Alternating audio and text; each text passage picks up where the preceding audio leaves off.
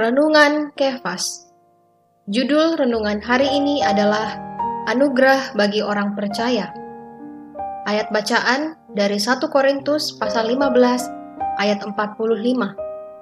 Seperti ada tertulis, manusia pertama, Adam menjadi makhluk yang hidup, tetapi Adam yang akhir menjadi roh yang menghidupkan. Menurut pasal 4 ayat 33, anugerah atau kasih karunia berlimpah-limpah bagi semua orang yang percaya.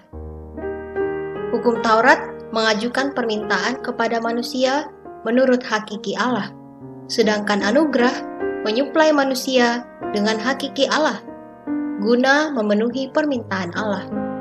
Sebenarnya, anugerah adalah Allah sendiri yang dinikmati oleh manusia. Anugerah adalah Kristus yang bangkit menjadi roh pemberi hayat untuk membawa Allah yang telah melalui proses di dalam kebangkitan ke dalam setiap kita untuk menjadi hayat dan suplai hayat kita, supaya kita dapat hidup di dalam kebangkitan.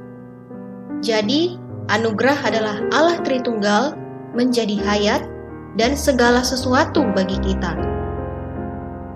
Kisah para Rasul pasal 4 ayat 34 sampai 35 mengatakan, Sebab tidak ada seorang pun yang berkekurangan di antara mereka, karena semua orang yang mempunyai tanah atau rumah menjual kepunyaannya itu, dan hasil penjualan itu mereka bawa dan mereka letakkan di depan kaki rasul-rasul, lalu dibagi-bagikan kepada setiap orang sesuai dengan keperluannya.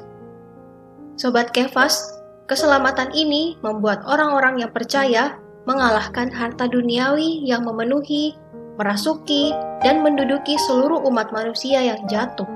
Seperti Barnabas, seorang Lewi, dan seorang Siprus menjual harta miliknya, membawa uang hasil penjualan itu, dan meletakkannya di depan kaki rasul-rasul untuk dibagikan di antara orang-orang kudus menurut keperluannya.